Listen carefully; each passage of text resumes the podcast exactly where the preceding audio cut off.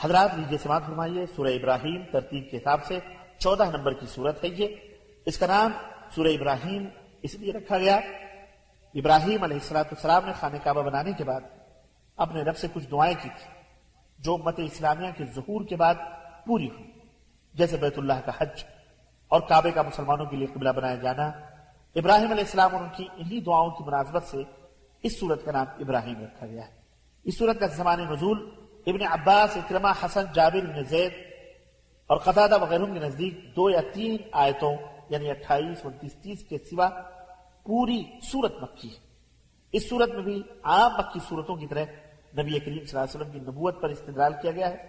کفار قریش کو قرآن اور آپ کی نبوت پر ایمان لانے کی دعوت دی گئی ہے اور ان کے کفر و عناد کے نتیجے میں مختلف قسم کی دنیاوی اور اخروی صداؤں کی دھمکی بھی دی گئی ہے۔ یہ صورت مکی ہے۔ اس میں باون آیتیں اور سات رکو ہیں۔ تو لیجیے سماعت فرمائیے سورہ ابراہیم۔ بسم اللہ الرحمن الرحیم۔ اللہ کے نام سے شروع جو بڑا مہربان نہایت رحم والا ہے۔ الف لام را۔ كتاب أنزلناه إليك لتخرج الناس من الظلمات إلى النور بإذن ربهم إلى صراط العزيز الحميد الف لام را. یہ کتاب ہم نے آپ کی طرف اس لیے اتاری ہے کہ آپ لوگوں کو تاریخیوں سے نکال کر روشنی کی طرف لائیں، ان کے رب کے حکم سے غالب اور قابل حمد اللہ کی راہ کی طرف بلائیں۔ الله الذي له ما في السماوات وما في الأرض وويل للكافرين من عذاب شديد. وہ اللہ جو آسمانوں اور زمین کی تمام موجودات کا مالک ہے اور کافروں کے لیے سخت عذاب کی وجہ سے تباہی ہے۔ الذين يستحبون الحياة الدنيا على الآخرة ويصدون عن سبيل الله ويبغونها عوجا. أولئك في ضلال بعيد. جو آخرت کے مقابلے میں دنیا کی زندگی کو پسند کرتے ہیں اور اللہ کی راہ سے روکتے اور اس میں کجی چاہتے ہیں، یہی لوگ گمراہی میں دور تک نکل گئے ہیں۔ وما ارسلنا من رسول الا بلسان قومه ليبين لهم فيضل الله من يشاء ويهدي من يشاء وهو العزيز الحكيم. اور ہم نے جو رسول بھیجا ہے، اس نے اپنی قوم کی زبان میں انہیں پیغام دیا، تاکہ ہر بات وضاحت سے بیان کر سکے۔ پھر اللہ جسے چاہتا ہے، گمراہ کرتا ہے، اور جسے چاہتا ہے، ہدایت دیتا ہے، اور وہ غالب اور حکمت والا ہے۔ وَلَقَدْ أَرْسَلْنَا مُوسَى بِآيَاتِنَا أَنْ أَخْرِجْ قَوْمَكَ مِنَ الظُّلُمَاتِ إِلَى النُّورِ وَذَكِّرْهُمْ بِأَيَّامِ اللَّهِ إِنَّ فِي ذَلِكَ لَآيَاتٍ لِكُلِّ صَبَّارٍ شَكُورٍ اور ہم نے موسیٰ کو اپنے معجزے دے کر بھیجا اور حکم دیا کہ اپنی قوم کو اندھیروں سے نکال کر روشنی ملاؤ اور انہیں ایام اللہ سے عبرت دلاؤ۔ ان واقعات میں صبر اور شکر کرنے والے کے لیے بہت نشانیاں ہیں۔ وَإِذْ قَالَ مُوسَى لِقَوْمِهِ اذْكُرُوا نِعْمَةَ اللَّهِ عَلَيْكُمْ إِذْ أَنْجَاكُمْ مِنْ آلِ فِرْعَوْنَ۔ إذ أنجاكم من آل فرعون يسومونكم سوء العذاب ويذبحون أبناءكم ويستحيون نساءكم وفي ذلكم بلاء من ربكم عظيم اور یاد کرو جب موسا نے اپنی قوم سے کہا اللہ کے اس احسان کو یاد کرو جو اس نے تم پر کیا تھا۔ جب اس نے تمہیں فرعونیوں سے نجات دی، وہ تمہیں بہت بری سزا دیتے تھے۔ تمہارے بیٹوں کو تو مار ڈالتے تھے اور تمہاری عورتوں کو زندہ رکھتے تھے اور اس میں تمہارے رب کی طرف سے بہت بڑی ابتلا تھی۔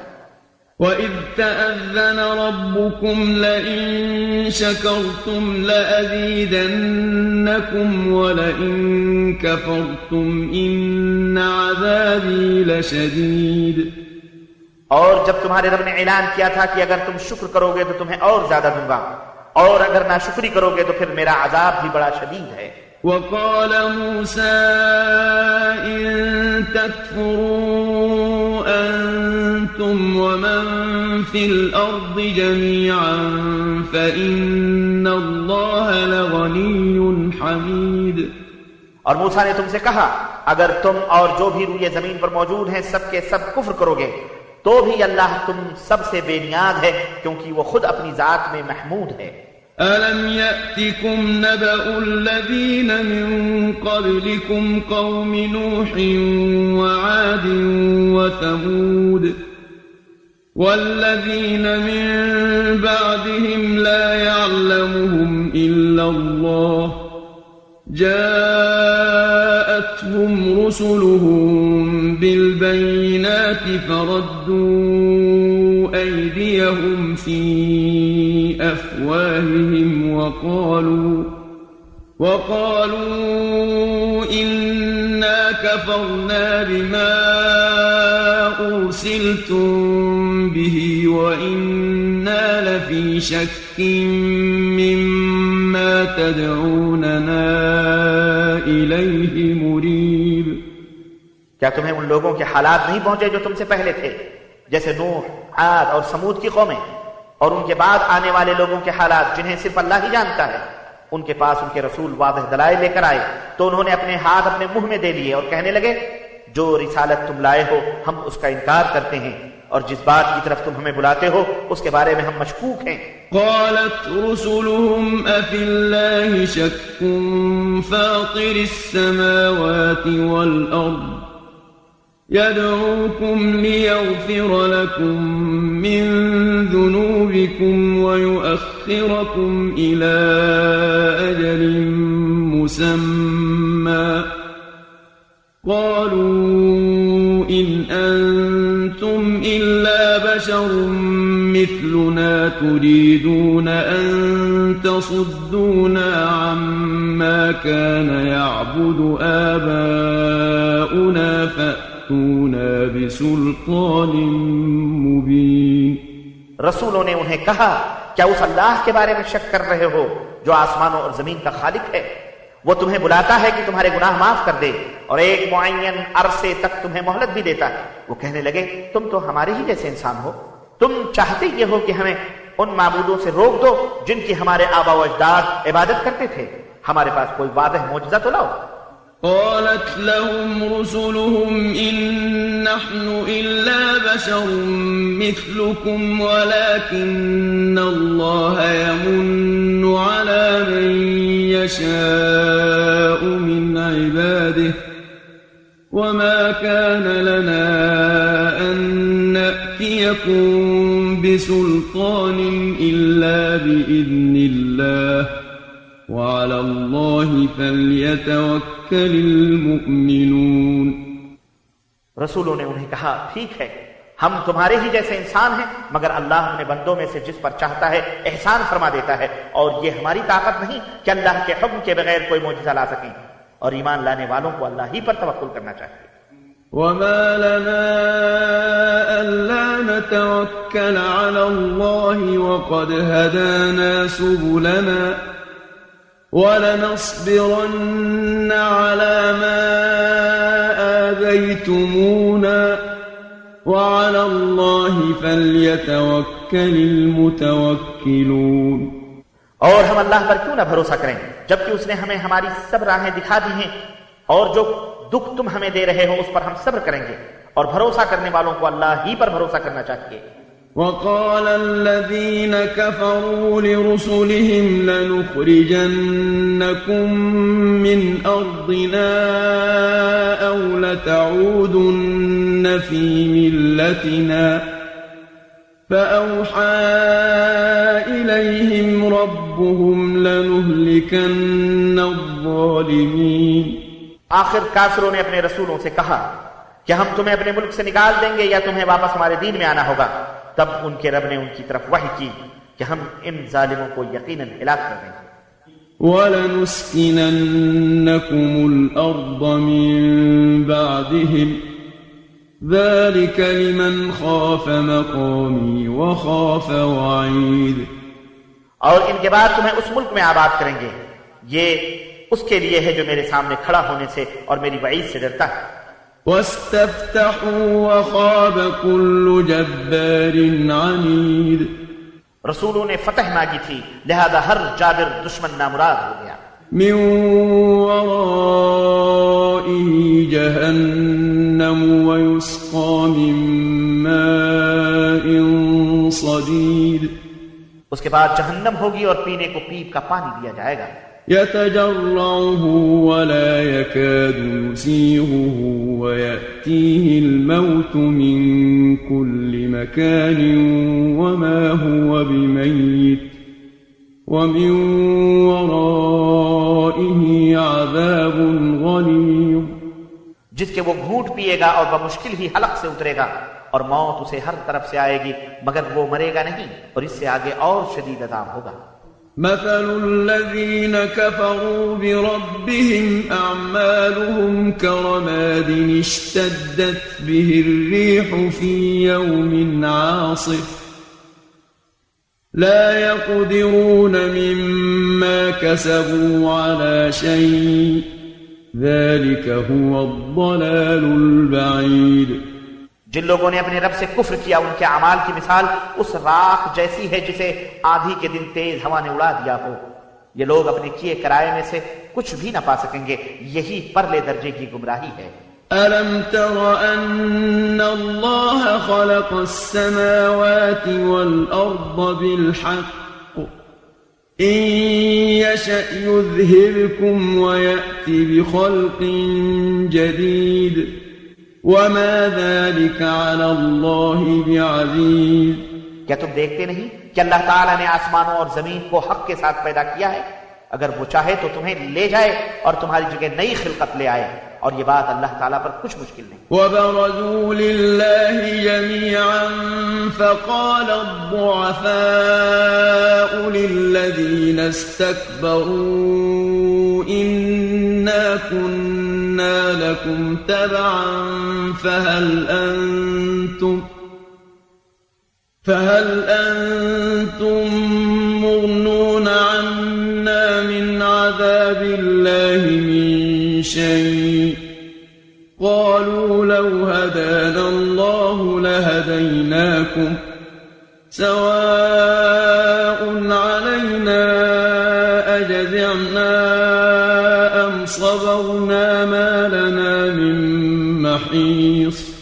اور یہ سب لوگ اللہ کے سامنے حاضر ہوں گے۔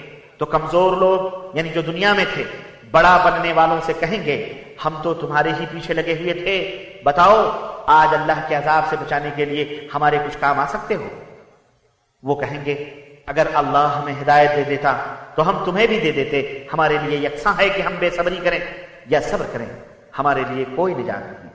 وقال الشيطان لما قضي الأمر إن الله وعدكم وعد الحق ووعدتكم فأخلفتكم وما كان لي عليكم من سلطان إلا أن دعوتكم فاستجبتم لي فلا تلوموني ولوموا أنفسكم.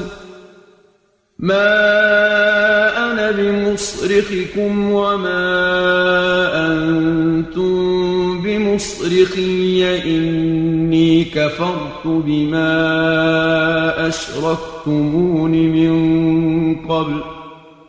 إن الظالمين لهم عذاب أليم. اور جب تمام امور کا فیصلہ چکا دیا جائے گا، تو شیطان کہے گا کہ اللہ نے تم سے جو وعدہ کیا تھا سچا تھا، اور میں نے تم سے جو وعدہ کیا تھا اس کی تم سے خلاف ورزی کی، اور میرا تم پر کچھ زور نہیں تھا بجز اس کے کہ میں نے تمہیں اپنی طرف بلایا تو تم نے میری بات مان لی۔ لہذا آج مجھے ملامت نہ کرو، بلکہ اپنے آپ کو ملامت کرو۔ نہ میں تمہاری فریاد رسی کر سکتا ہوں، اور نہ تم میری کر سکتے ہو۔ اس سے پہلے جو تم مجھے اللہ کا شریک بناتے رہے میں اس کا انکار کرتا ہوں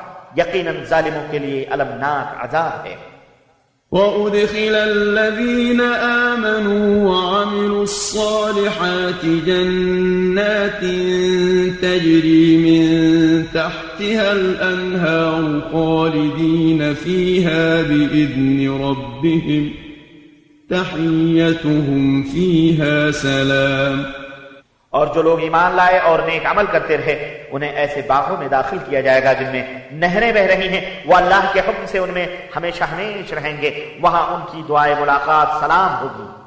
ألم تر كيف ضرب الله مثلا كلمة طيبة كشجرة طيبة أصلها ثابت وفرعها في السماء میرے حبیب آپ دیکھتے نہیں کہ اللہ تعالیٰ نے کلمہ طیبہ یعنی توحید کی کیسی عمدہ مثال بیان کی ہے جیسے وہ ایک پاکیزہ درخت ہو۔ جس کی جڑ زمین میں خوب جمی ہو اور شاخیں آسمان میں ہوں۔ تؤتي أكلها كل حين بإذن ربها ويضرب الله الأمثال للناس لعلهم يتذكرون۔ وہ اپنے رب کے حکم سے ہر آن پھل دے رہا ہے۔ اللہ لوگوں کے لیے مثالیں اس لیے بیان کرتا ہے کہ وہ سبق حاصل کریں۔ ومثل كلمة خبيثة كشجرة خبيثة اجتثت من فوق الأرض ما لها من قرار. اور خبیص کلمے یعنی شرک کی مثال، ایک خراب درخت کی سی ہے، جسے زمین کی سطح سے ہی اکھاڑ پھینکا جائے اور اسے کچھ استحکام نہ ہو۔ يثبت الله الذين آمنوا بالقول الثابت في الحياة الدنيا وفي الآخرة ويضل الله الظالمين ويفعل الله ما يشاء جو لوگ ایمان لائے انہیں اللہ قول ثابت یعنی کلمہ طیبہ سے دنیا کی زندگی میں بھی ثابت قدم رکھتا ہے اور آخرت میں بھی رکھے گا۔ اور جو ظالم ہیں اللہ انہیں بھٹکا دیتا ہے اور اللہ وہی کرتا ہے جو چاہتا ہے۔ ألم تر إلى الذين بدلوا نعمة الله كفرا وأحلوا قومهم دار البوار۔ میرے حبیب کیا آپ نے ان لوگوں کی حالت پر غور کیا؟ جنہوں نے اللہ کی نعمت یعنی ایمان کو کفر سے بدل ڈالا اور اپنی قوم کو ہلاکت کے گھر اتارا۔ جهنم يصلونها وبئس القرار۔ جو جہنم ہے جس میں داخل ہوں گے اور وہ بہت بری قیام گاہ ہے۔ وجعلوا لله أندادا ليضلوا عن سبيله قل تمتعوا فإن مصيركم إلى النار۔ انہوں نے اللہ کے کئی شریک بنا ڈالے تاکہ لوگوں کو اس کی راہ سے بھٹکا دیں۔ آپ فرما دیجیے، مزے اڑا لو۔ آخر تمہیں جہنم کی طرف ہی لوٹنا ہے۔ قل لعبادي الذين آمنوا يقيموا الصلاة وينفقوا مما رزقناهم سرا وعلانية وينفقوا مما رزقناهم سرا من قبل أن يأتي يوم لا بيع فيه ولا خلال۔ میرے حبیب، میرے ان بندوں کو جو ایمان لائے ہیں، کہہ دیجیے کہ وہ صلاح یعنی نماز قائم رکھیں۔ اور جو کچھ ہم نے انہیں دے رکھا ہے، اس میں سے خفیہ اور علانیہ خرچ کیا کریں۔ قبل اس کے کہ وہ دن آ جائے جس میں نہ خرید و فروخت ہوگی اور نہ دوستی کام آئے گی۔ الله الذي خلق السماوات والأرض وأنزل من السماء ماء فأخرج به من الثمرات رزقا لكم وسخر لكم الفلك لتجري في البحر بأمره وسخر لكم الأنهار وہ ہے جس نے آسمانوں اور زمین کو پیدا کیا اور آسمان سے پانی برسایا پھر اس پانی سے تمہارے کھانے کو پھل پیدا کیے۔ اسی طرح تمہارے لیے کشتی کو مسخر کیا کہ اس کے حکم سے سمندر میں رواں ہو اور دریاؤں کو بھی تمہارے لیے مسخر کر دیا۔ وسخر لكم الشمس والقمر دائبين وسخر لكم الليل والنهار اور تمہاری خاطر سورج اور چاند کو کام پر لگا دیا جو لگاتار چل رہے ہیں۔ اور رات اور دن کو بھی تمہاری خاطر کام پر لگا دیا۔ وآتاكم من كل ما سألتموه وإن تعدوا نعمة الله لا تحصوها إن الإنسان لظلوم كفار۔ اور جو کچھ بھی تم نے اللہ سے مانگا وہ اس نے تمہیں دیا۔ اور اگر تم اللہ کی نعمتیں گننا چاہو تو کبھی ان کا حساب نہ رکھ سکو گے۔ انسان تو ہے ہی بے انصاف اور نہ شکرہ وَإِذْ قَالَ إِبْرَاهِيمُ رَبِّ اجْعَلْ هَذَا الْبَلَدَ آمِنًا وَاجْنُبْنِي وَبَنِيَّ أَن نَّعْبُدَ الْأَصْنَامَ۔ اور یاد کرو جب ابراہیم نے دعا کی تھی اے میرے رب اس شہر کو یعنی مکے کو پرامن بنا دے اور مجھے اور میری اولاد کو بھی اس بات سے بچائے رکھنا کہ ہم اصنام کی عبادت کریں۔ رب إنهن أضللن كثيرا من الناس فمن تبعني فإنه مني ومن عصاني فإنك غفور رحيم اے میرے رب إن معبودوں نے تو بہت سے لوگوں کو گمراہ کر دیا لہذا جس نے میری اتباع کی وہ یقیناً میرا ہے اور جس نے میری نافرمانی کی سو تو معاف کرنے والا رحم کرنے والا ہے. ربنا إني أسكنت من ذريتي بواد غير ذي زرع عند بيتك المحرم. ربنا ليقيموا الصلاة. ربنا ليقيموا الصلاة فاجعل أفئدة من الناس تهوي إليهم وارزقهم من الثمرات لعلهم يشكرون اے ہمارے رب، میں نے اپنی اولاد کے ایک حصے کو تیرے قابل احترام گھر کے پاس ایسے میدان میں لا بسایا ہے جہاں کوئی زراعت نہیں۔ ہمارے رب، تاکہ وہ صلاح یعنی نماز قائم کریں۔ چنانچہ تو بعض لوگوں کے دل ان کی طرف مائل کر دے اور انہیں کھانے کو پھل مہیا فرما۔ توقع ہے کہ یہ شکر گزار رہیں گے۔ ربنا إنك تعلم ما نخفي وما نعلن وما يخفى على الله من شيء في الأرض ولا في السماء۔ اے ہمارے رب ہم جو کچھ خفیہ رکھتے ہیں اور ظاہر کرتے ہیں، تو سب جانتا ہے۔ ارض و سما میں کوئی چیز ایسی نہیں جو اللہ سے چھپی ہوئی ہو۔ الحمد لله الذي وهب لي على الكبر إسماعيل وإسحاق إن ربي لسميع الدعاء۔ اس اللہ کے لیے سب تعریف اور شکر ہے جس نے مجھے بڑھاپے میں اسماعیل اور اسحاق عطا فرمائے۔ یقیناً میرا رب دعا سنتا ہے۔ رب اجعلني مقيم الصلاة ومن ذريتي ربنا وتقبل دعاء۔ اے میرے رب مجھے بھی اور میری اولاد کو بھی صلاح یعنی نماز قائم رکھنے والا بنا۔ ہمارے رب میری یہ دعا قبول فرما۔ ربنا اغفر لي ولوالدي وللمؤمنين يوم يقوم الحساب. اے ہمارے رب مجھے میرے والدین اور جملہ مومنوں کو اس دن معاف فرمانا جب حساب لیا جائے گا۔ ولا تحسبن الله غافلا عما يعمل الظالمون۔ إنما يؤخرهم ليوم تشخص فيه الأبصار. مومنو یہ کبھی خیال بھی نہ کرنا کہ ظالم جو کچھ کر رہے ہیں اللہ ان سے بے خبر ہے۔ وہ تو انہیں اس دن تک کے لیے مہلت دے رہا ہے جب نگاہیں پھٹی کی پھٹی رہ جائیں گی۔ مهطعين مقنعي رؤوسهم لا يرتد إليهم طرفهم وأفئدتهم هواء وہ یوں اپنے سر اٹھائے اور سامنے نظر جمائے دوڑتے جا رہے ہوں گے کہ ان کی نگاہیں ان کی اپنی طرف بھی نہ مڑ سکیں گی اور دل اڑ رہے ہوں گے۔ وأنذر الناس يوم يأتيهم العذاب فيقول الذين ظلموا ربنا أخرنا